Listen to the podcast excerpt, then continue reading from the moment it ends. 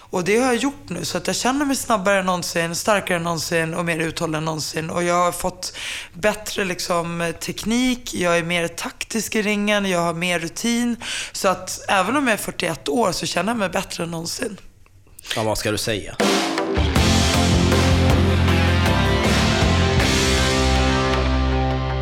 Är vi redo allihopa? Ja, då kör vi. Ljudet funkar. Då säger vi Ja, varmt välkommen till podden Upp ett hjärta med Marcus Birro och, Mikael Strandberg. och vi sitter ju i eh, rum 405 där vi brukar sitta när vi gör våra poddar på Hotell Drottning eh, Kristina på Birger i Stockholm. Fint ställe. Mycket, mycket fint. Vad säger du Mikaela? Ja, jag stortrivs redan. Visst är det Skulle jag kunna tänka mig att bo. Ja, Mikael, Mikaela Laurén är vår gäst för idag då. Så det ska vi säga, det är inte alla gånger när man samlas så här runt kaffet där det läggs upp, du vet, bälten och eh, boxningshandskar på bordet framför oss. Men det gör det i detta nu. Det kan ni se sen på de andra sammanhangen där det går att se vad vi har, rör oss med i bildform. Det är vackert och mäktigt. Man får sådana sköna Rocky-vibbar direkt här på... Vi kanske ska slå sönder lite fördomar också. Ja, exakt. Jag har ju rosa handskar, det är väl kanske inte... Det är lite tjejigt så. Ja, Ja. Hur är läget? det är bra. Ja. Lite trött, sovit lite dåligt i natt, men eh, annars är det bra. Ja. Jag är Du ser taggad. ut. Ja, bra. Är det inte farligt Det är med, med, eh, med lite sömn då när man eh, tränar så hårt Jo, som du antagligen gör just nu? Det är ju det det är. Jag måste vara jättenoggrann med, eh, med att få in ordentlig sömn och tänka på kosten och liksom vila ordentligt. Det är minst lika viktigt som att träna hårt faktiskt. Kan vi inte göra så att du börjar med att beskriva hur, hur en dag för dig ser ut? Eh, nu kommer det se lite annorlunda ut för att nu så kommer jag eh, ta ledigt från eh, jobb eh, för att verkligen kunna fokusera på mitt livsmatch. Men annars så brukar jag kliva upp på morgonen och eh, gå och träna i två timmar ungefär, boxning på morgonen. Sen ibland så brukar jag dra iväg och hålla ett lunchpass. Eh, jag jobbar som boxningsinstruktör. Ehm, sen ibland är det något möte, ibland så blir det en eh, snabblunch, eh, alltid lite kontorsarbete man behöver göra. Sen på eftermiddagarna så brukar jag köra någon PT-kund eller så håller jag i ett boxpass. Och eh, sen brukar jag få in pass nummer två. Men som är- möte, ursäkta mig, möte och pappersarbete, eh, du får nog hjälpa till. Eller, eh, alltså, du, du, man, du är proffs. Ja, men jag- har, man ingen, har man ingen som gör de här sakerna åt, åt sig, tänker jag? Nej, tyvärr har ju inte jag det. Utan jag har försökt eh, skaffa manager, men det har inte varit så lyckat. Utan det har slutat med att jag har bara fått ligga på dem, att de ska göra sitt jobb och så har de inte skött sig. Jag har liksom inte lyckats få en bra manager, utan jag har fått göra allting själv. Jag får jaga sponsorer själv och eh, ja, köra mm, mina sociala medier själv, svara på mail själv. Och då snackar vi om en världsmästare här. Jag gör i stort sett allt själv liksom. Eller, men du är Tvätta världsmästare- du är själv inte jag också, nu, laga va? mat. Va? Men du är inte vä- världsmästare nu, va? Eller? Eh, jo, jag är, alltså jag är ju femfaldig världsmästare, men jag gav upp min ena VM-titel, den finaste titeln som ni ser här på bordet, den eh, The Green Belt, VBC-titeln, för att jag skulle gå ner en viktklass och boxa om samma titel.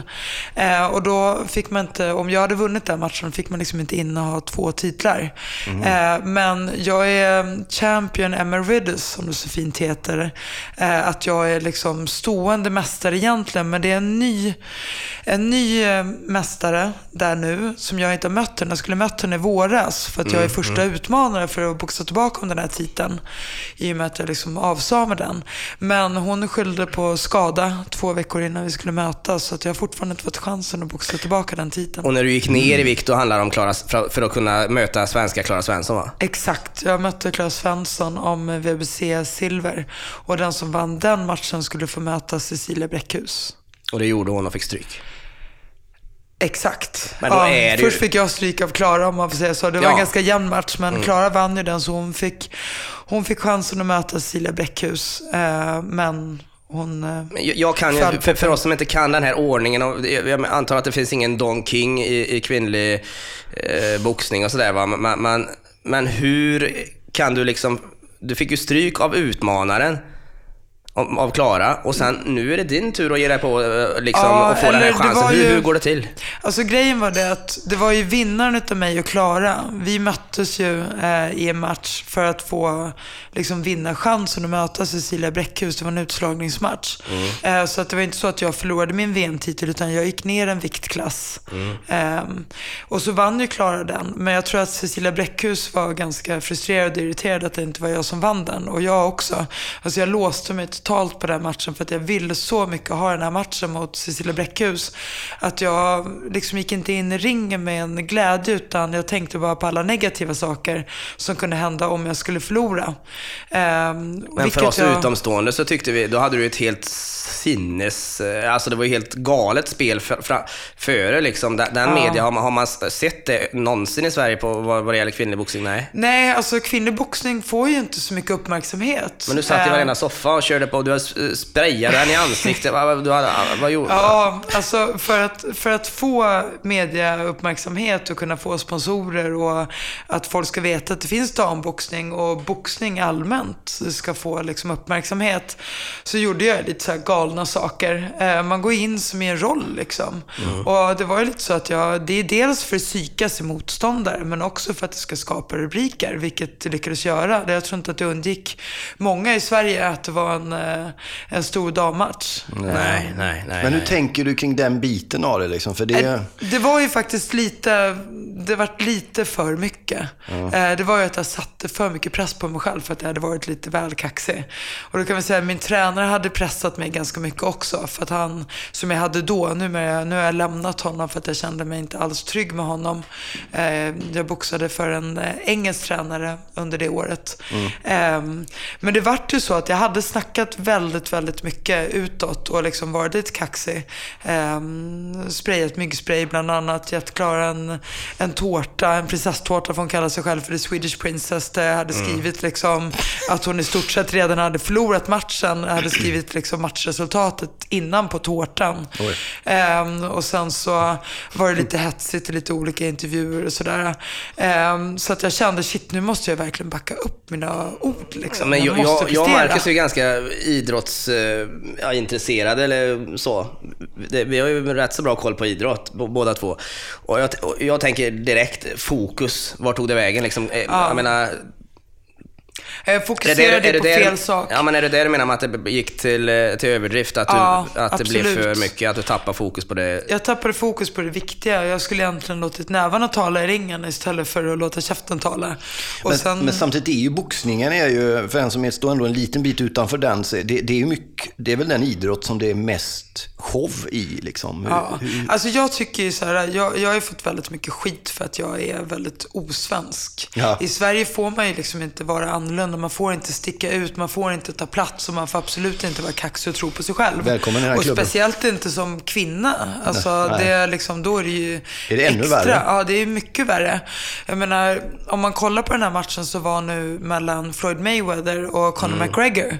Alltså de slängde ju ganska mycket skit på varandra. Ja. Men det tycker ju folk bara är häftigt. Grabbar, Och de får jättemycket uppmärksamhet för det. Mm. Medan om man som kvinna i Sverige gör det, då är det inte alls lika coolt. Liksom. Nej. Då får man alltid massor hatare. Och det är, men det är så i landet lagom. Mm. Men jag är ändå ganska stolt att jag liksom vågar stå på mig och vågar ta plats. Och liksom, jag tycker att det är modigt att ändå våga tro på sig själv och våga säga det utåt också. Men har du tonat ner det lite grann nu när du möter eh, Cecilia? Ja, jag har bestämt mig för att jag liksom...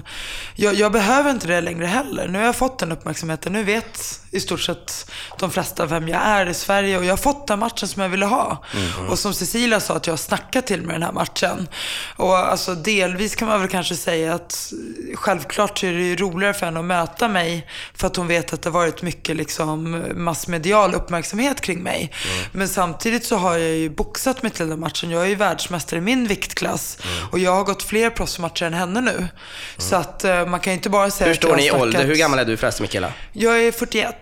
Du är 41 och hon är- Cecilia är 35. Så att hon är inte heller purung liksom. Utan Nej. hon har också börjat bli lite av Men känner du, alltså man ser, vi är ju fotbollsnördar här kan man säga, så man, man vet ju att en fotbollsspelare som börjar bli strax över 30, 33, 34, den får kan ju vara oerhört skicklig och, och oerhört värdefull för ett lag. Men de får kanske ändra sin spelstil liksom för, för att eh, ja, fysiken är ju inte på samma sätt. Och hur, jag tänker, hur gör man med nej, boxningen? Det är någonting, alltså, det är så här, både och. På ett sätt så känner jag att jag känner mig starkare än jag någonsin har gjort. Mm. Alltså jag är fysiskt är stark, jag är konditionsstark.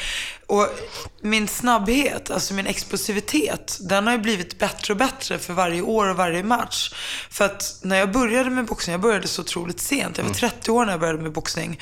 Och då hade jag noll explosivitet. Så att min kropp har liksom ändrat om sig. Nu är jag liksom byggd som en boxare och nu tänker jag snabbt. När jag simmade, alltså jag kommer ju från simning tidigare, jag har simmat på elitnivå i 22, eller simmade inte på elitnivå i 22 år, men jag tävlade i simning i 22 år.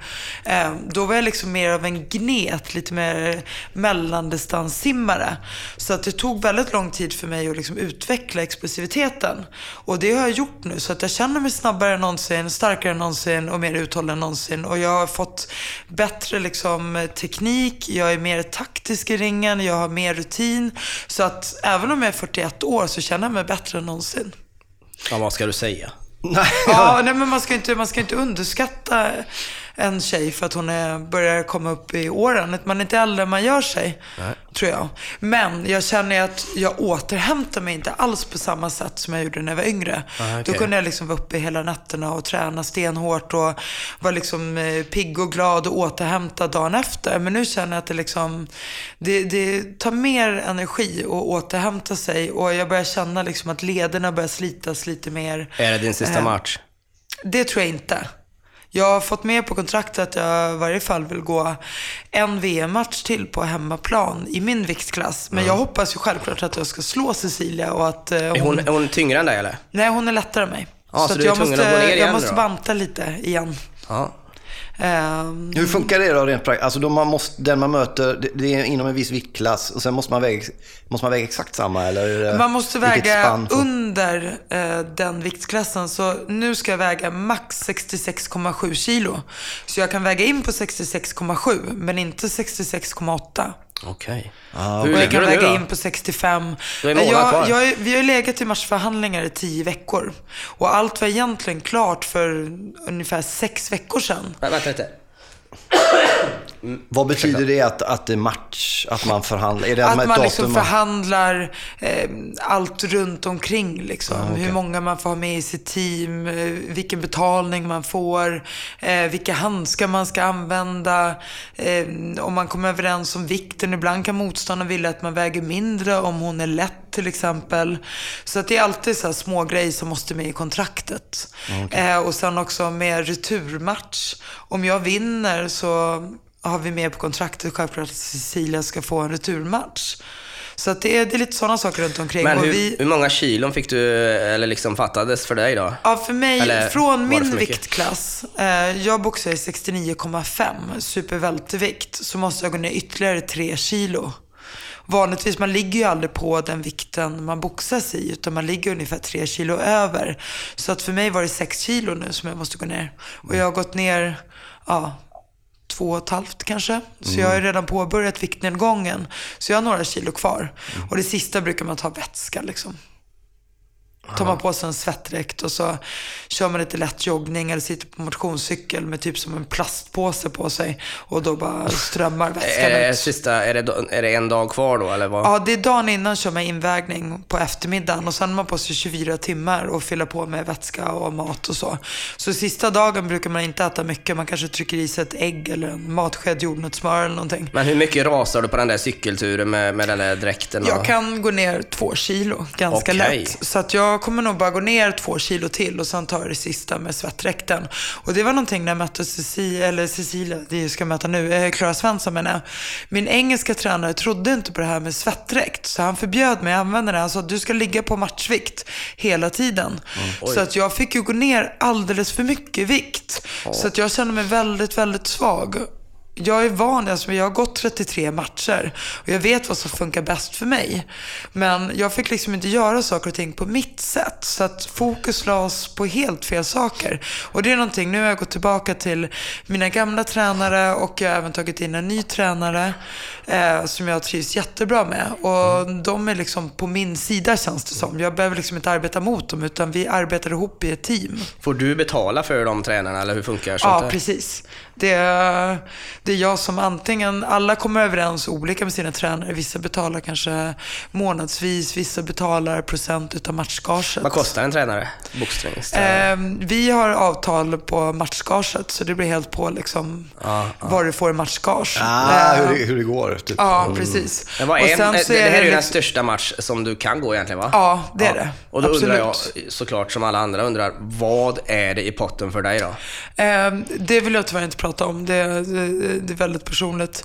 Eh, men det, det är det absolut bästa, eh, bästa gaget jag har fått. Ja, för att jag vet ju också att hon, Cecilia, hon har, hon har ju hon brukar ju stå för hela galerna själv och hon Ja. brukar ju casha ut otroligt, för att vara inom damboxningen då som inte alls är lika betald som, eh, som det är för eh, herrarnas matcher. Ja. Man såg ju den senaste, vad fick han som förlorade?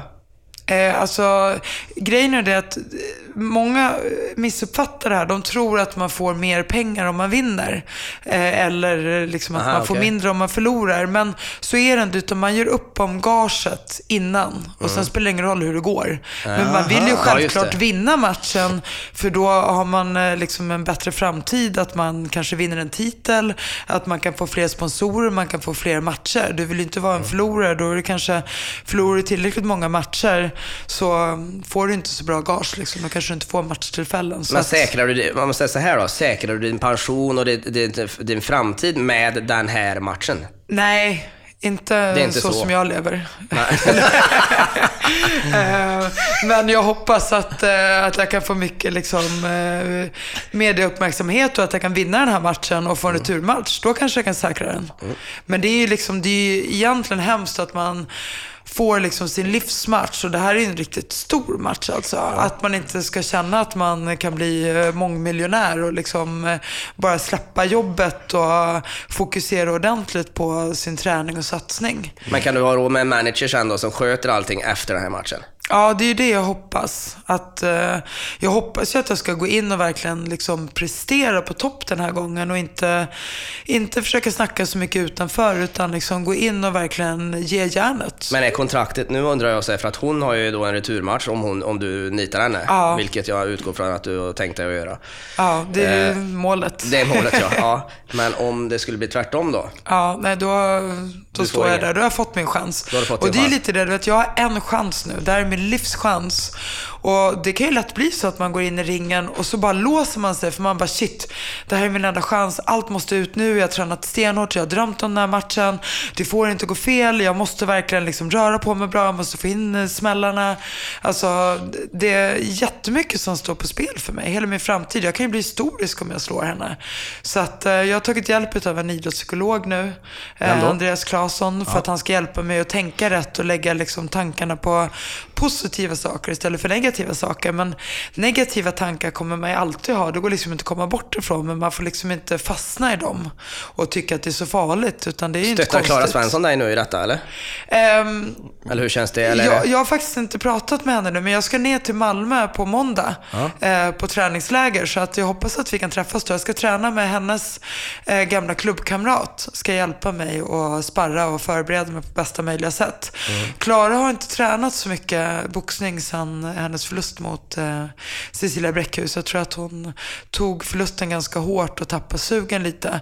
Annars så hade jag frågat henne om hon hade hjälpt mig med sparring. Men eh, vi spelade in Fångarna på fortet tillsammans, jag och Klara faktiskt. Det kommer visas här om några veckor. Och eh, det gick jättebra faktiskt. Nu liksom, har man mötts i match sådär och liksom fått en urladdning. Alltså, man måste kunna ta en förlust också. Man kan liksom inte gå och vara bitter och förbannad utan man får tänka, vad gjorde jag fel? Vad ska jag göra bättre till nästa gång? Så att jag är inte sån som liksom går och tittar snabbt på Klara nu utan träffar jag henne så kan vi ta liksom en kopp kaffe ihop eller ett glas vin eller liksom Fast där har ni ju ändå en bra grej om man säger som en backup. Det är jättemycket som gäller för dig nu med, med, med hon norskan här då såklart. Ja. Eh, Men om du skulle åka på en riktig smäll här, Ja. Då finns ju ändå ett sån stor grej med medial grej med, med Klara, så att ni skulle ju kunna mötas på svensk Ja. mark om vem som är bäst för alltid då, om man säger Ja. så, en sista gång Alltså i jag Sverige. hoppas ju verkligen att jag och Klara kan få en returmatch. För att eh, jag känner ju själv att, att jag fick inte ut min boxning, att jag är egentligen en bättre boxare än henne. Eh, Varför var inte det med i kontraktet då? Nej, jag vet faktiskt inte. Jag tror att alla trodde att jag skulle vinna. så att jag var inte riktigt liksom på och fick med det i kontraktet. Men jag vet att jag vill ju ha returmatchen och våran promotor, vi har ju gemensam promotor, han vill också ha den matchen. Men jag tror att det är Klara som inte vill ha den för att hon har ju alltid förlorat. Hon har redan Ja, hon har vunnit mot vunnit mig en gång. gång. Hon vunnit, ja. Mm. Så att, men jag hoppas att, ehm, att det kanske blir liksom eh, nästa match efter Cecilia. Om jag inte vinner såklart, vilket jag hoppas. Men, att, men jag tänker en grej på den idrottsliga bevakningen och så. Men det pratas ju alltid om att dam, damidrott får, får ofta sämre förutsättningar, sämre betalt. Samtidigt som det, om vi tar fotbollen exempelvis, när det väl är mästerskap och så damerna spelar, då brukar det mediala intresset även publikt, folk kollar och så. Hur är det med bevakningen, tycker du, för din sport i Sverige? Om man bortser från allting andra, själva boxningen så liksom. Alltså jag tycker det har växt otroligt mycket sista tiden. Och det kan jag väl säga, liksom, klappa mig själv lite på axeln och säga att jag har varit en stor del utav. Just för att jag har gjort liksom, mycket lite så galna saker och vågat ta plats och våga liksom sticka ut hakan. Och sen också för att jag har ju faktiskt presterat. Alltså jag är ju femfaldig världsmästare. Ja. Eh, men sen har jag också Team Sauerland, eh, som är min promotor nu, börjat arrangera galor i Sverige och har väldigt många duktiga fighters i sitt stall. Så vi har ju en eh, Europamästare nu, eh, Anthony Giggit, som är en av mina liksom, bästa vänner och han är som en bror för mig. Han ska ju gå en, eh, en titelförsvarmatch här nu i Stockholm och det kommer ju förhoppningsvis liksom, eh, eh, vad säger man, mediebevakas mycket. Ja. Och sen har vi Erik Skoglund som ska gå match i Liverpool här nu eh, med en ny så här stor eh, World Boxing Super Series. Eh, och det kommer också skapa liksom stora rubriker och mycket uppmärksamhet. Så att vi har väldigt många bra boxare i Sverige och det gör ju att intresset ökar. Sen har vi, jag får inte glömma Badou Jack heller, Nej. som är världsmästare, Ja. eh, som boxade på Floyd Mayweathers skala nu. Just det. Eh, det är ju fantastiskt bra för svensk boxning. Så det är bättre eller? Det har blivit bättre de sista Ja, åren? det har blivit mycket bättre och det är ett uppsving nu. Det är jättemånga som liksom har vågat börja satsa på boxningen igen för att det har blivit lagligt i Sverige. Det var ju förbjudet under många år. 2007 så släppte de ju på förbudet. Det är fortfarande så att du får bara boxa 12 minuter. Ska du boxa mer, alltså full distans som för en, för en damboxare så är det 10 gånger 2 minuter, alltså 20 minuter. Och för en herrboxare så är det 12 gånger 3 minuter. Då måste du ansöka om dispens 10 veckor innan. Och det kan jag tycka är lite så här, släpper man på boxningen då ska man liksom släppa på det. Nu har det ändå varit boxning i Sverige i 10 år och då tycker jag liksom, låt det bara vara fritt liksom. Hur ser du på riskerna av det där då? Med det liksom? Jag, alltså jag tänker inte på det. Ehm, man, man kan inte kliva in i ringen och gå och vara orolig för att man ska skada sig. Då lägger man liksom fokus på helt fel saker. Sen tror jag att just det här med att banta mycket. Jag gick upp en viktklass efter jag hade gått några matcher för jag kände att jag orkar inte hålla på och banta. Jag tror bantar man för mycket, det är inte bra för, för kroppen, alltså för hälsan och sen så tar det bort vätska i, i hjärnan. Så får du många smällar där och du inte har liksom återställt vätskebalansen, det är då du kan få så här hjärnblödningar och sånt. Så att jag är inte alls mycket för att banta. Känner du hon tjejen där? eh, vad, vad, Frida Wallberg? Ja. Ja, det gör jag. Eh, och det är ju tragiskt det som har hänt liksom. Och det är väl det många tänker. Och det, det, det finns ju en risk. Alltså boxning, du slår ju varandra på huvudet liksom. Men jag tror att det gäller att vara försiktig liksom upp till match. Och det tror jag att hon inte var. Jag tror att hon hade bantat för mycket. Och jag tror hon hade haft för tuff sparring. Eh, skulle jag sparras väldigt hårt, jag skulle för det första aldrig sparra hårt mot killar. För de är fysiskt starkare. Eh, så att det gäller att ha rätt sparringpartner och inte få för många smällar mot huvudet. Skulle jag gå runt och ha ont i huvudet och känna mig illamående, det skulle betyda att jag har en hjärnskakning. Då skulle jag ju liksom inte kliva in i ringen och gå match. Så att det gäller att liksom vara uppmärksam på hur det känns i kroppen. Ska, ska en, en sparringpartner vara lite, lite sämre egentligen eller? Alltså tjejsmällar tycker jag är ju liksom inte är så farligt. Det är mer killsmällarna. Eh, en tjejsmäll ska du ju kunna ta liksom. Och jag föredrar ju att sparra med någon som är lite bättre. Eh, för det är så det utvecklas. Fast det Alltså, finns ju inget inte- bättre. Va? Nej, om det inte finns någon bättre. Det finns ju Nej, då får du ta det bästa som finns. Eh, sen ibland, jag sparrar ju med killar också. Mm. Och då är det det att de är, liksom, de är lite snabbare, de är eh, liksom lite mer explosiva och de är ju bättre i stort sett De på är ju allting. livrädda för att få stryk också. Ja. Jag tänker, det där kan man Men de, alltså de, de får ju hålla till, de kan ju inte ge liksom 100% och försöka knocka mig. Liksom. Nej. det går ju inte att jämföra fysisk styrka. Så att det gäller att hitta en, en sparringpartner som lägger det på rätt nivå om du sparras med en kille. Och det har jag ju gjort. Jag har ju liksom råkat sparra med killar som jag kanske inte känner så väl. Som har liksom dragit på lite för hårt. Och det är inte roligt. Och jag är en sån människa som aldrig ger mig. Jag vill liksom aldrig klaga heller. Eh, så att eh, nu har jag liksom tagit snack med mina tränare. Ska jag sparra, då ska det vara liksom med, med bra människor. Liksom sådana som inte behöver hävda sig. På tal om killar, eh, vad säger din kille om det här? Ehm, han blir nog mer nervös än jag när jag kliver in i ringen. Eh, och han är ganska dålig förlorare. Uh, Vem är han liksom? För han, är han en ny förmåga eller? Ja, eh, eller ny och ny. Vi firar två år här nu snart. Eh, så att det känns, det känns som att vi varit tillsammans väldigt länge för att det var liksom, eh, ja, mm, vi passade klockrent ihop. Och han har verkligen varit en så här stöttepelare för mig. Hur träffas ni då, eller var träffas ni? Vi träffades här bredvid på East. Ja. Bara en sån sak. Ja, eh, och han kom fram till mig, han hade sett en eh, tv-serie om mig eh, som heter Den dömda världsmästaren. Och ville komma fram och ge mig beröm att han tyckte att jag var en eh, fantastisk idrottskvinna. Eh, Och på den vägen är det. Det är jag bra. föll för smickret. Ja. Men en grej som jag tänker på där när det gäller, som, gick inne på med frågorna, när det gäller liksom, eh, hur mycket utlopp kan man få för eh, eller, eller är det bara liksom den här Rocky-bilden om boxning som jag har? Alltså, eller, nu om du liksom har, har privatlivet på plats, det är harmoni. Påverkar det positivt eller negativt själva boxningen? Eller hur mycket ilska kan man tillåta sig att ha när man, du vet de där löjliga grejerna? Ja, nej men alltså jag tror faktiskt, jag känner mig faktiskt lugnare och mer harmonisk nu än någonsin. Är det bra eller? Ja, eh, det tror jag. Om, så länge man har liksom hungern för matchen. Men jag har ju varit så himla stressad runt omkring. Jag var i en väldigt dålig relation under många år och la liksom fokus och energi på fel saker. Och eh, jag gjorde egna galor förut. Fick lägga ner otroligt mycket tid och fokus på det och gick back ekonomiskt flera gånger. Fick liksom eh, betala själv för matcher och, då, och jobba extra, extra, extra mycket vid sidan av för att få det att gå runt. Och då la jag också energi på fel saker. Men nu känner jag att jag liksom, och jag har tagit bort mycket så negativa människor, folk som tar energi i mitt liv. Så nu känner jag så här, jag har hittat liksom kärleken i mitt liv. Jag eh, har otroligt fantastiska stöttande vänner. Jag har en grym familj som alltid finns där för mig. Och jag behöver inte jobba ihjäl mig längre. Och jag har en promotor som fixar mina matcher. Så att nu kan jag liksom lägga fokus lite mer på rätt saker. Det är väl bara sponsordelen liksom, som jag inte har. Att det är fortfarande väldigt svårt att liksom få sponsorer som eh, kvinnlig proffsboxare. Mm. Men det finns inga ursäkter kvar att inte vinna nu då? Nu när allting annat är på plats och totalt fokus på matchen så det är ju bara det som gäller. Ja, det är därför det gäller att få ut allting. Och ha en bra dag liksom, när jag kliver in i ringen. Så att, eh, Har, har du det någon att- gameplan? då? Det kanske man inte ska avslöja här.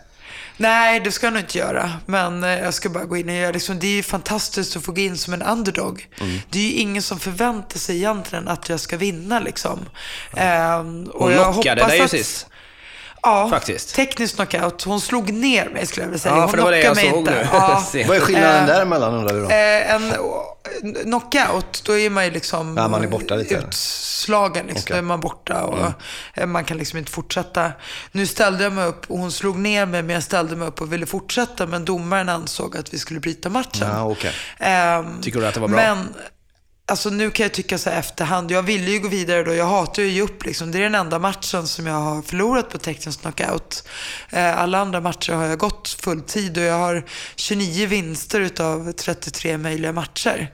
Så att det är klart att den svider. Och det är lite därför jag också har velat ha en returmatch. Men det var ju för tidigt för mig att kliva in i ringen med Cecilia då. Jag hade boxats ett år som proffs och fick chansen att kliva in i ringen mot Cecilia som då redan var regerande världsmästare. Och det var alldeles för tidigt. Jag hade ingenting där att göra. Så att det är inte konstigt. Hon borde slagit ner mig tidigare tycker jag. Mm. Men eh, jag hoppas att det kommer bli annorlunda nu. Mm. Hoppas att det är hon som lägger ner istället. Mm.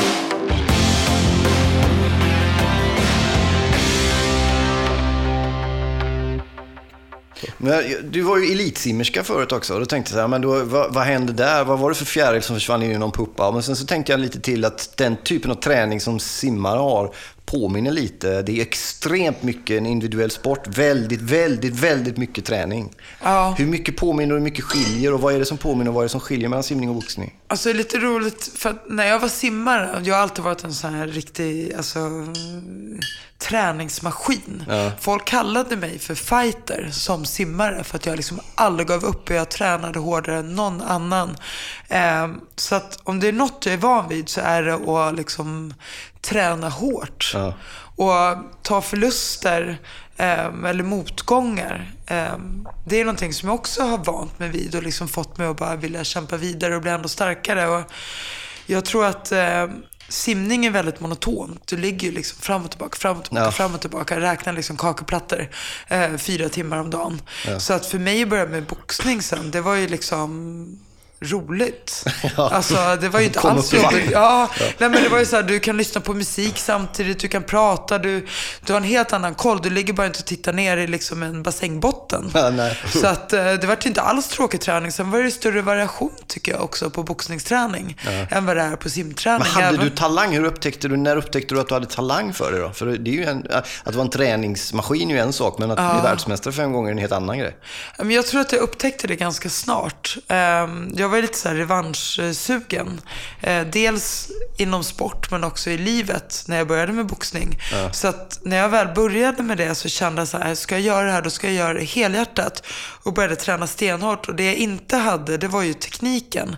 Men jag hade en jävla fighting spirit, eh, hjärta ja. eh, och styrka. Så att i början så liksom malde jag ju bara ner mina motståndare. Ja. Och sen har ju tekniken och rutinen och taktiken liksom kommit eftersom. Mm. Och det är väl därför också som jag har pikat så pass sent. Liksom. Att jag låg ju några år efter. Jag var 30 år gammal när jag började med boxning. Mm. Men jag hade sån otroligt bra grundfysik. Mm. Jag är ju liksom... Eh, van att tävla. Jag har ju tävlat i 22 år, så för mig var det mer liksom den hårda träningen och tävlandet var jag ju van vid.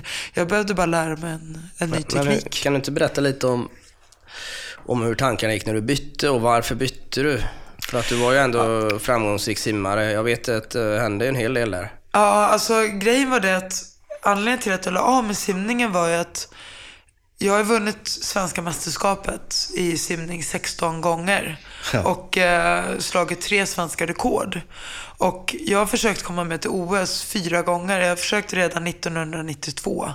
Eh, då var jag snabbast i landet, men tiden räckte inte. Och 1996 då slog jag ett svenskt rekord med nästan två sekunder. Det var 18 år gammalt rekord. Jag blev nominerad till OS och tänkte nu är jag där. Liksom. Nu har jag äntligen fått min OS-plats till någonting man har drömt om sedan man var liten flicka. Eh, och sen så blev jag bortplockad ur OS-truppen. Att eh, OS-kommittén det var någon i OS-kommittén som inte trodde min tid skulle räcka och bli tillräckligt bra. Och det var en otrolig motgång för mig att jag kände att eh, jag vågade liksom inte riktigt satsa igen. Men efter ett tag så bestämde jag mig för att nej, men jag ska ge det en chans till. Så jag försökte år 2000 och återigen så var jag snabbast i landet. Men min tid räckte inte till OS. Vad är det för distans vi pratar om? 200 meter fjärilsim, ja. den tuffaste distansen. Men vem bestämmer att det inte räcker till? Eh, det OS-kommittén sätter ut olika tider som de tycker att du ska göra för att du ska ha en chans att komma till en OS-final. Mm. Det räcker inte med att du är snabbast i landet, utan Aha, du måste okay. ha en tillräckligt bra tid för att du ska liksom ha någonting att göra på OS, tycker de. Okay, um, och den tiden som jag gjorde 96 hade räckt till en, eh, till en B-final. Mm. Och jag tycker att jag var ung då och lovande. Då skulle man ha gett mig den chansen. Och förbundskaptenen nominerade mig och tyckte att jag hade liksom förtjänade en plats i, i OS-truppen. Var det att då Hans, skulle man, Kro- vem- Hans eller- Kronek, ja. Ja, ja. Då tycker jag att då skulle man följt hans, liksom, hans val. Han hade ju Eh, ändå pondus, eller Ja. den eh, gubben va? För han, eh, han har man ju hört mycket om. Ja, det, hade alltså, jag kan inte förstå att de inte lyssnade på honom, men ehm, det, tydligen så var det en snubbe där, inga namn nämnda, som inte tyckte att jag liksom platsade där. Ehm, och eh, det, det tog mig hårt liksom, men jag är en fighter som sagt var, så att jag gav inte upp. Men vi gillar att nämna namn. Tror jag säkert. Ja, Mikael Nej, jag gillar när andra nämner namn. Ja. Jag har faktiskt inte nämnt det namnet på 20 år, så ni kommer inte få mig göra det heller. Utan där, jag försöker faktiskt släppa det här och gå vidare, men det är svårt. Alltså, Det sitter fortfarande som en tagg i hjärtat liksom, på mig. Var det då Det- du började smuggla anabola, eller vad, eller vad hände där efter det? Nej, det var det absolut inte. Utan jag försökte eh, komma med till OS 2000. Lyckades inte då heller. Och sen så försökte jag till OS 2004. Jag tänkte nu ger jag en sista chans. Liksom. Jag, jag ska fan mig komma med. Och då slog jag svenskt rekord och eh, blev fortfarande inte utplockad till truppen. Och då kände jag fan nu, liksom, nu räcker Nu har jag liksom tävlat i 22 år. Jag var 28 år gammal och kände att det, det är dags att gå vidare i livet. Liksom. Men har man då simmat i hela sitt liv och haft hela tiden ett mål, någonting att sträva efter, så blev det liksom en, en stor tomhet och en stor identitetskris för mig. Och så här, vad, fan, vad ska jag göra nu? Liksom? Vad har jag att se fram emot i livet? Vad, vad ska jag satsa på? Vem är jag? Liksom? Um, jag visste inte riktigt vad jag skulle göra. Um, och du började ju dra upp um, den här anabola historien hörde jag. Jag förstår att du vill prata om den. Min, min pappa när jag var ung höll på med styrkelyft. Eh, och eh, på den tiden, på liksom slutet av 80-talet, början av 90-talet, då var det ju liksom helt naturligt att man, att man tryckte bål om man skulle växa och bli större. Så det är någonting som jag liksom är uppväxt med, att i gymvärlden, absolut inte i, i idrottsvärlden, i, i svensk simning, så fuskar man sig inte till resultat. Men på gymmet så var det okej. liksom, för att man skulle bli lite starkare, man skulle bli lite större, liksom, lite snyggare. Precis som tjejer gör plastikoperationer nu för tiden för att bli lite snyggare. Um, så för mig, jag hade liksom inte kopplingen till att anabola steroider var fusk om man använde det i gymvärlden. Och när jag la av att simma och inte visste vad jag skulle göra så fick jag ett erbjudande om att förvara anabola steroider hemma hos mig. Och eh, det skulle säljas. Och jag tjänade väldigt snabba, enkla pengar på det. Det var i stort sett inget jobb liksom. Skulle skicka iväg det och det var ingen risk sa de. Jag tänkte, ja men jag gör det så länge tills jag vet vad, vad jag ska göra liksom. Ehm, och jag liksom la väl inga direkta värderingar på det om jag ska vara ärlig. Eh, men sen tänkte jag efter tag, det här kan jag liksom inte hålla på med. Så jag sa till dem jag liksom jobbade för, men du kan kalla det ett, ett jobb. Även om det inte är hedligt så var det ju vad jag sysslade med för att få en inkomst.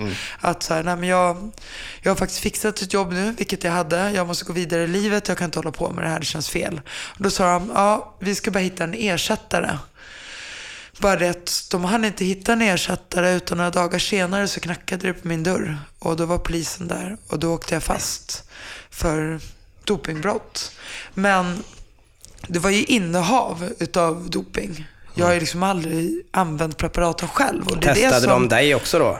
Det, det var det första jag bad dem göra. Jag bara, snälla gör en dopingtest på mig bara för att det ska visa liksom att, att det är negativt. Vilket det självklart gjorde för att jag är ett träningsdjur. Jag älskar att pressa mig själv och utmana mig själv och se hur långt jag själv kan nå. Jag skulle liksom aldrig fuska mig till en, en framgång. Och det var det som nästan var värst med att åka fast för det här. Det var inte liksom sitta inlåst på häktet med restriktioner i 70 dagar eller få en fängelsedom på 14 månader. Utan det jobbigaste för mig, det var liksom skammen. Att vad, vad har jag gjort? Liksom, hur kunde jag ta mig an det här jobbet? Och vad tänker liksom svenska folket om mig? Tänk om de tror att jag själv har brukat det här för att fuska mig till mina prestationer som jag liksom har slitit så hårt för. Det var jättejobbigt och det är fortfarande. Trodde de det? är det så då? att jag liksom vill börja gråta nu. Ehm, det är många som har trott det och jag tror att det är fortfarande många som gör det. Det gör Men- ont. Ja, men... Ja, jag ser du blir ledsen till och med här ja. Det är så här... Äh, det är faktiskt det värsta straffet. Sitta i fängelse kan alla göra, men skammen och att folk har misstrott mig. Att jag skulle fuska mig till framgångar. Alltså det är så inte jag. Det här var liksom, jag hade tappat min identitet. Jag hade ingen inkomst, jag hade inget jobb, jag hade satsat på simningen. Och jag fick det erbjudandet och jag gjorde en dum sak. Och jag tycker så att jag har liksom avtjänat mitt straff. Men Det har du ju i allra högsta grad gjort. Det är ju ett ganska eh, hårt, kan jag ju tycka, det är min personliga uppfattning, men ett väldigt hårt straff för det du gjorde. Till och med. Du har ju tagit och kommit tillbaka. Men på det sätt du har kommit tillbaks och där du är nu och ska gå den här matchen och fokus är liksom helt och hållet ändå. För du har ju lyckats i den resan redan egentligen. Ja, det, jag tror att det är, alltså på ett sätt är jag väldigt glad att det här hände för att det blev att jag liksom, jag kände att jag vill inte bli ihågkommen för det här. Jag vill ha revanschlivet. Och jag vill visa att jag är en bättre person. Och dels att jag inte kom med på OS fast jag verkligen kände att jag förtjänade det och har slitit så hårt för det. Och dels att jag liksom åkte fast för det här brottet och liksom blev en kriminell människa. Så kände jag att shit, jag måste komma tillbaka och liksom få en revansch i livet och idrotten. Och det har ju liksom drivit mig till det är idag. Så det är jag väldigt tacksam för. Jag tror, hade jag kommit med på OS, då kanske jag hade blivit mätt. Hade jag kanske inte åkt fast för det här brottet, då kanske inte jag hade känt den här drivkraften att jag måste liksom rättfärdiga mig på något vis. Så att på ett sätt är jag väldigt glad liksom att det hände. Vi har ju lite sånt idag med, där man, där man diskuterar straffskala och lite så. Jag tänker på Therese Johaug. Ja, Har du följt det någonting? Eller? ja. Vad, vad tycker du och tänker om det? Alltså gud, det är ju så här tragiskt liksom. Eh, det känns ju det känns orättvist. Eh, alltså jag är ju nu i eh, norska dopingkommissionen är ju extremt hårda.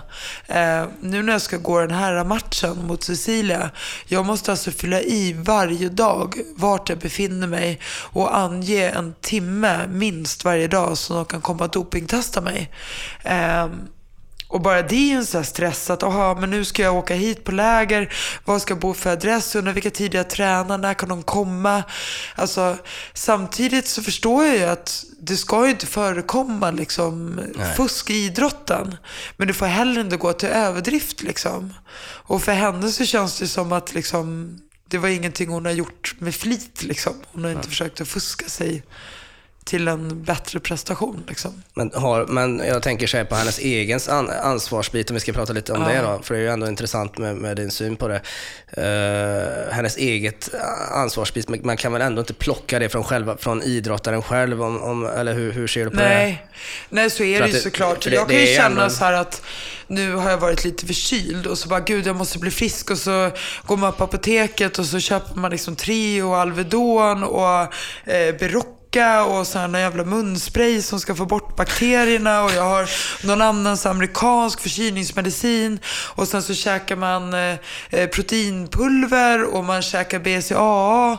Alltså det är jättesvårt att ha koll på exakt allt man stoppar i sig. Och det är ingenting som man stoppar i sig för att man vill fuska utan för att man vill liksom känna sig stark och hålla sig frisk. Men det är ju ens eget ansvar att kolla liksom på innehållsförteckningen och vara väldigt noggrann. Och det känner jag nu inför den här matchen, speciellt som de är så otroligt hårda nu. För mig vore det ju skandal om jag skulle åka fast för dopingbrott. Då skulle ju folk verkligen tro att jag har brukat doping tidigare. Så att jag måste liksom, ja, verkligen läsa allting Ja. och se till att jag liksom inte Ja, på- stoppar i mig precis. någonting. Och på tal om att läsa så är ju Therese Johaug läskunnig och här står det ju doping med röda bokstäver eh, ganska stort på en paket Ja. och hon kl- kladdar det på lä- läppen då, om man ska, om man ska gå på den historien som eh, vevas runt. Ja, men hur liksom, kan man tro att det går in i läppen? In i, ja.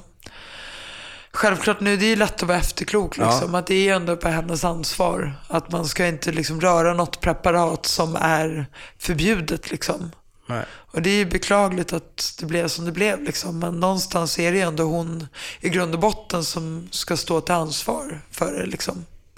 Hur var, alltså om man tar tiden i fängelset, eh, det var naturligtvis jobbigt av massa anledningar. Vad, vad, hur upplever du den? Hur, hur, tänker du på den nu? Liksom? Går det att använda den tiden nu på något sätt? Ja, eh, just nu så tänker jag faktiskt inte på den så mycket. Det var väl mer liksom åren efter. Ja. Nu, det var så himla länge sedan. Alltså jag, När var det i år? Så att jag... Eh, jag, jag muckade 2006.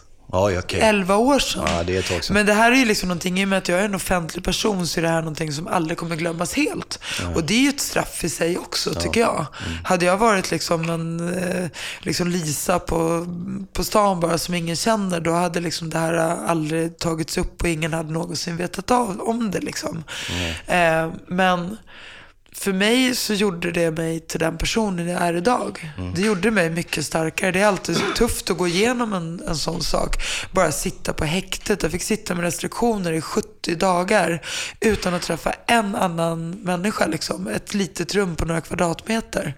Alltså det var ju otroligt tufft. Då lär man verkligen känna sig själv. Liksom. Mm. Ja, vare sig man vill eller ja, inte. exakt. Hur, hur, klarar du det psykiskt? Liksom? Alltså, jag tror att jag är väldigt stark psykiskt. Uh, jag tror att jag är lite född sån. Alltså jag, jag är finne, jag har det här liksom jävla anammat i mig, finska sisut. Och I och med att jag liksom, jag har alltid varit väldigt självgående och liksom alltid vågat ta plats och eh, aldrig gett upp så att det här skulle liksom inte få knäcka mig. Men självklart hade jag ju perioder när jag liksom tänkte att livet kan inte gå vidare. Jag bara, hur ska jag någonsin kunna titta folk i ögonen? Tänk om liksom folk tror att jag själv har liksom brukat det här eller att jag har smutskastat simningen. Eh, vad ska min liksom familj tycka? Ska folk titta konstigt på mina föräldrar, på mina syskon? Det var ju otroligt jobbigt. Och sen också den här ovissheten när jag satt på häktet. Att inte veta, vad säger folk där ute? Hur länge länge ska sitta på häktet? Vad kommer hända sen? Liksom? Men det låter helt, eh, alltså... Amerikanskt. Ja, men du sitter i häkte i två månader drygt. Får ett fängelse... Ja, tre nästan. Ja, och får ett fängelsestraff på, vad var det, 18 månader? 14. 14 månader, ja. drygt ett år då. Ja. För att du, hade, du sålde uh, anabol. Ja. Det, det, låter som att du har liksom, du vet, sålt heroin till 15-åringar lite. Ja, men det är så. De ändrade väl regeln att doping skulle klassas som narkotika. Och sen tror jag att de ville statuera ett exempel med mig. Liksom att man, man säljer inte doping. Jag fattade inte att det var så allvarligt när jag gjorde det. Att det var som typ knark liksom. Um, men... Uh, Ja, jag tror att man ville statuera ett, ett exempel helt enkelt. Hur mycket vänner blev du av med? Det var inte många. Vad sa du? Eh, det var inte många vänner jag blev av med. Det var nog bara folk som kände att de hade någonting att förlora. Liksom. Eh, att folk kanske skulle... De fega? Ja. Ja, men familjen Simning, är inte det lite finare folk i familjen Simning, eller? Eller har jag fel? Nej, men faktiskt inte. Alltså, alla mina riktiga vänner, de fanns kvar där. De stöttade mig, alltså till hundra. Eh, jag trodde ju att alla skulle vända mig i ryggen. Men det gjorde de inte. För att folk liksom, som verkligen känner mig och folk i simmarvärlden, de vet ju att jag inte har brukat de här preparaten. Mm. Eh, för att jag har liksom aldrig haft en formtopp. Liksom, utan jag har alltid legat på ungefär samma tider. Liksom. Så att jag tror folk folk vet att jag är lite så galen. Jag, liksom, jag gör ofta saker först och tänker sen. Liksom. Jag är inte så här, liksom, rädd och försynt. Jag är, liksom, jag är från förorten. Jag är lite så här getto. Eh, så att jag tror att folk blev kanske inte så förvånade. Det var mer jag själv som satte det på mig. Liksom, att folk kommer vara så otroligt missnöjda mm. med det jag gjort. Liksom. Men jag har fortfarande otroligt bra kontakt med många i simmar, simmarvärlden.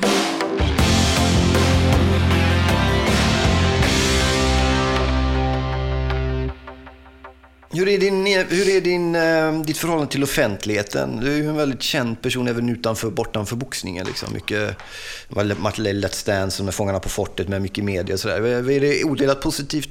För du har ju sett bägge sidor av det menar jag, som du har berättat. Ja, hur, hur, är det nu liksom? Alltså nu tycker jag att det är nu känner jag, alltså sista månaden har jag känt ett, så här, ett uppsving. Förr så var det liksom att folk tittade mycket på mig men kanske inte riktigt vågade komma fram till mig. Eh, och många kanske hade en felbild av mig och tyckte att jag var bara väldigt kaxig och liksom eh, inte alls trevlig person. Men jag vann ju till exempel den här kändisbarnvakten. Ja. Så att nu, du vet, så här, barn kommer fram till mig och liksom eh, vill ge mig en kram och liksom prata med mig och då har ju föräldrarna också hängt på i och med att barnen gillar gillar mig. Ja. Och sen tror jag att jag liksom, folk har kanske börjat se att jag liksom har en annan sida också. Att ibland går jag in i en roll inför matcher. Att jag kanske inte är så hemsk som om man ser liksom en, eh, en bild i tidningen när jag står och gör en stare down med motståndare. Då ser man ju inte trevlig ut. Liksom. Man står ju inte där och ler. Liksom.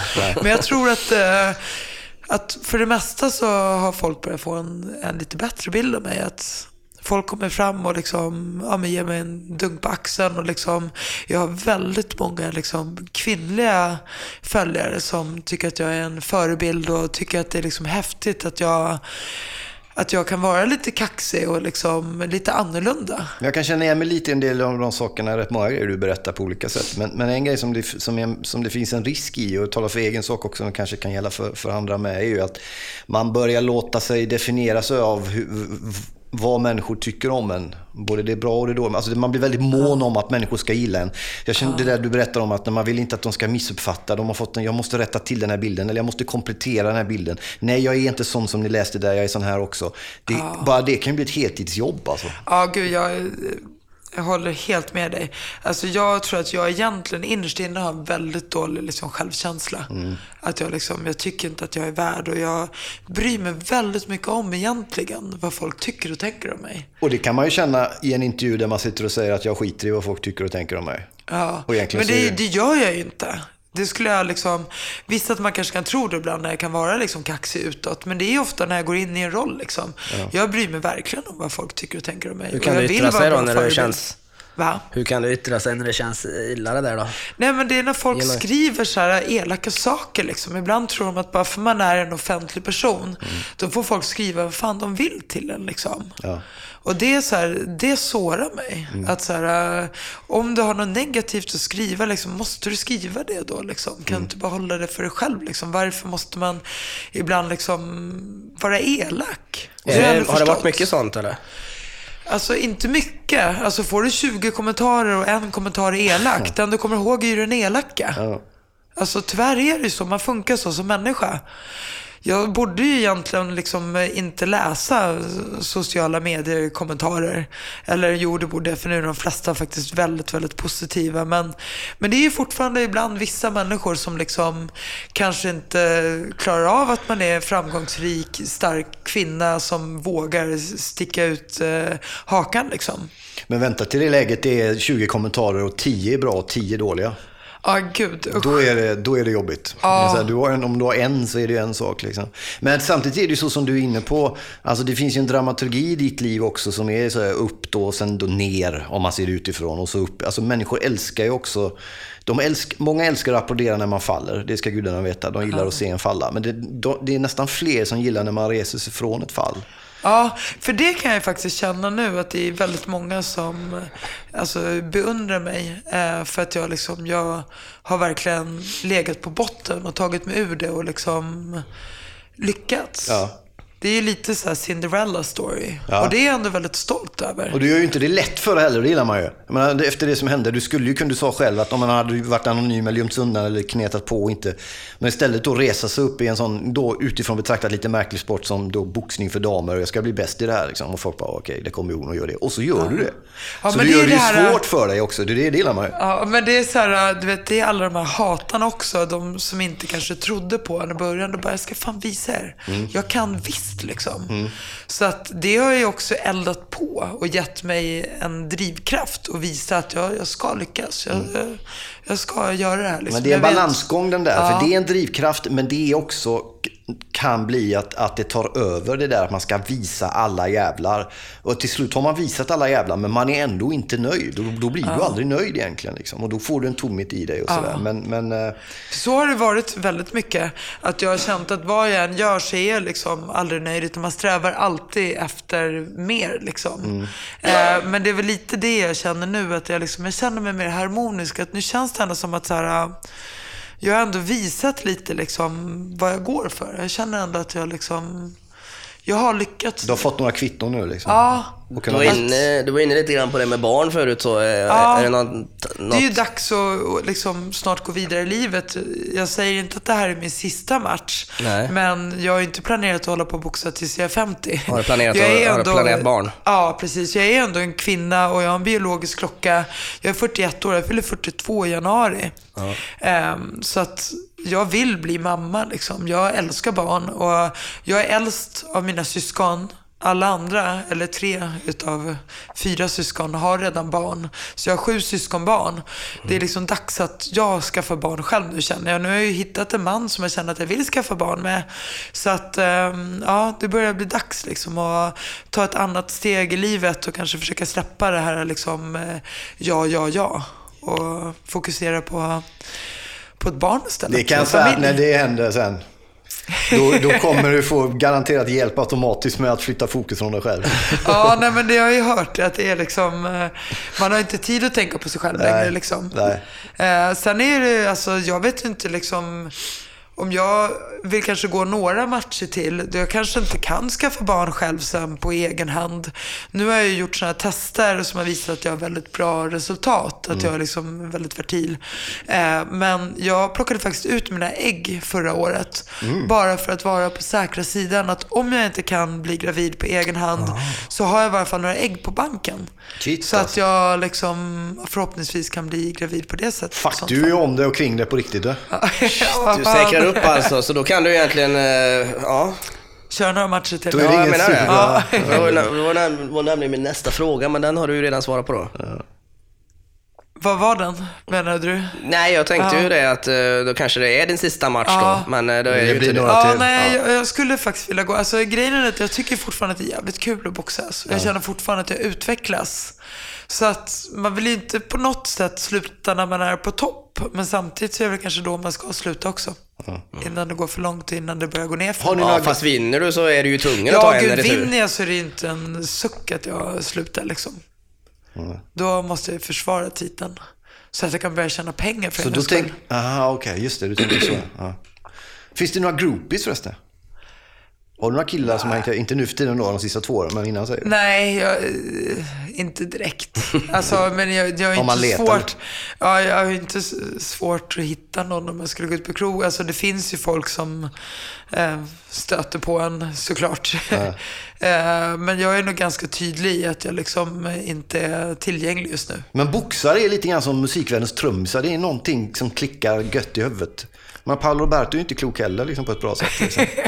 Går upp halv men fyra och Paolo gör yoga. Roberto Och är ju lite så här min eh, alltså, förebild på något vis. Men jag han älskar Paolo här, Roberto. Jag känner. Vi känner varandra. så Han är jättefin. Men det är, alltså, jag, jag menar när det klickar i huvudet på ett skönt sätt. Nej, det, är, det är fel på något bra sätt. Liksom. Ja, men han är lite så här eh, wild and crazy. jag. Gränslös. Han vågar, han vågar säga vad han tycker och bara liksom slänger ur sig saker. Han är lite så också att så antingen hatar man honom eller så älskar man honom. Ja, exakt. Eh, Jag tycker skitbra om honom. Jag Ja. tycker han har varit jävligt duktig. Han är den enda boxaren som liksom har lyckats vid sidan av boxningen tycker jag. Och Det är bygga liksom ett riktigt bra varumärke. Som inte har med liksom. boxningen att göra. För exakt, för när man pratar Paolo Roberto nu, särskilt med de som är yngre då än vad, än vad vi är, så är det ju inte boxning. Nej, de tänker så ah, han som lagar mat i tv eller Ja, han som typ har... och- eh, som gör eh, yoga halv fem på morgonen. Och, alltså, så min, min gamla eh, tränare. Mm. eh, Leffe Karlsson, eh, han har ju tränat Paolo Roberto också. Han är 74 år och han är så jävla skön. Eh, men han brukar alltid säga det att jag är en kvinnlig Paolo Roberto. Att jag är liksom också väldigt så här massmedial liksom, och Ah. Utåt och liksom tar för mig. Och, eh, hoppas att jag Du har en värld lyckas. utanför ringen sen med då. Ja, jag hoppas det. Ja. Jag tror att eh, det känns positivt liksom. Det känns som att jag kommer nog inte behöva liksom stå på ICA och knega efter. Bara, vi ska runda av strax, men jag tänkte på den här, där, alltså, om man vill eh, lära känna liksom, din värld ännu mer och bli taggad av det du har berättat. Om man kollar den här filmen med Clint Eastwood och vad heter det, Hilary Swank va? Hur mycket har den med verkligheten att göra? Har du sett den? Ja, självklart. Men nu var det väldigt, väldigt länge sedan jag såg den. Eh, Million den Dollar är- Baby tror jag den Ja. Mm. det heter den. Eh, alltså, Är det film eller finns det något av det som är... alltså det hårda arbetet. Det jag gillar med filmen är hennes dedication, liksom. hennes hårda arbete. Att han liksom gav inte henne en sekund och hon bara fortsatte komma, fortsatte komma. Hon gav sig liksom inte. och sen till slut så fick hon hans uppmärksamhet och hon liksom Ja, har nästan lyckades. gjort halva jobbet själv redan. Ja, men det, Den är grym. Ja, den är fin. Den är fin. Ja, nej, men det är fint. Det- Sen är det lite overkligt slut liksom. Ja, ja, det blir Eh. Och lite så här tragiskt. ehm, Typiskt. Men det är en eh, bra jävla film alltså. Ja, den är fin. Det är en riktigt bra film alltså. Avslutningsvis, Mikaela. Hur går det på lördag? Det kommer gå jättebra. Jag, alltså, jag, jag tycker det ska bli kul att kliva in i ringen. Bra. Och det viktigaste för mig är verkligen att gå in och ge mitt allt och våga vara bäst. Våga försöka, våga satsa. Vi önskar dig stort lycka till. Tack ska du ha. Tack för att du kom. Tack så jättemycket.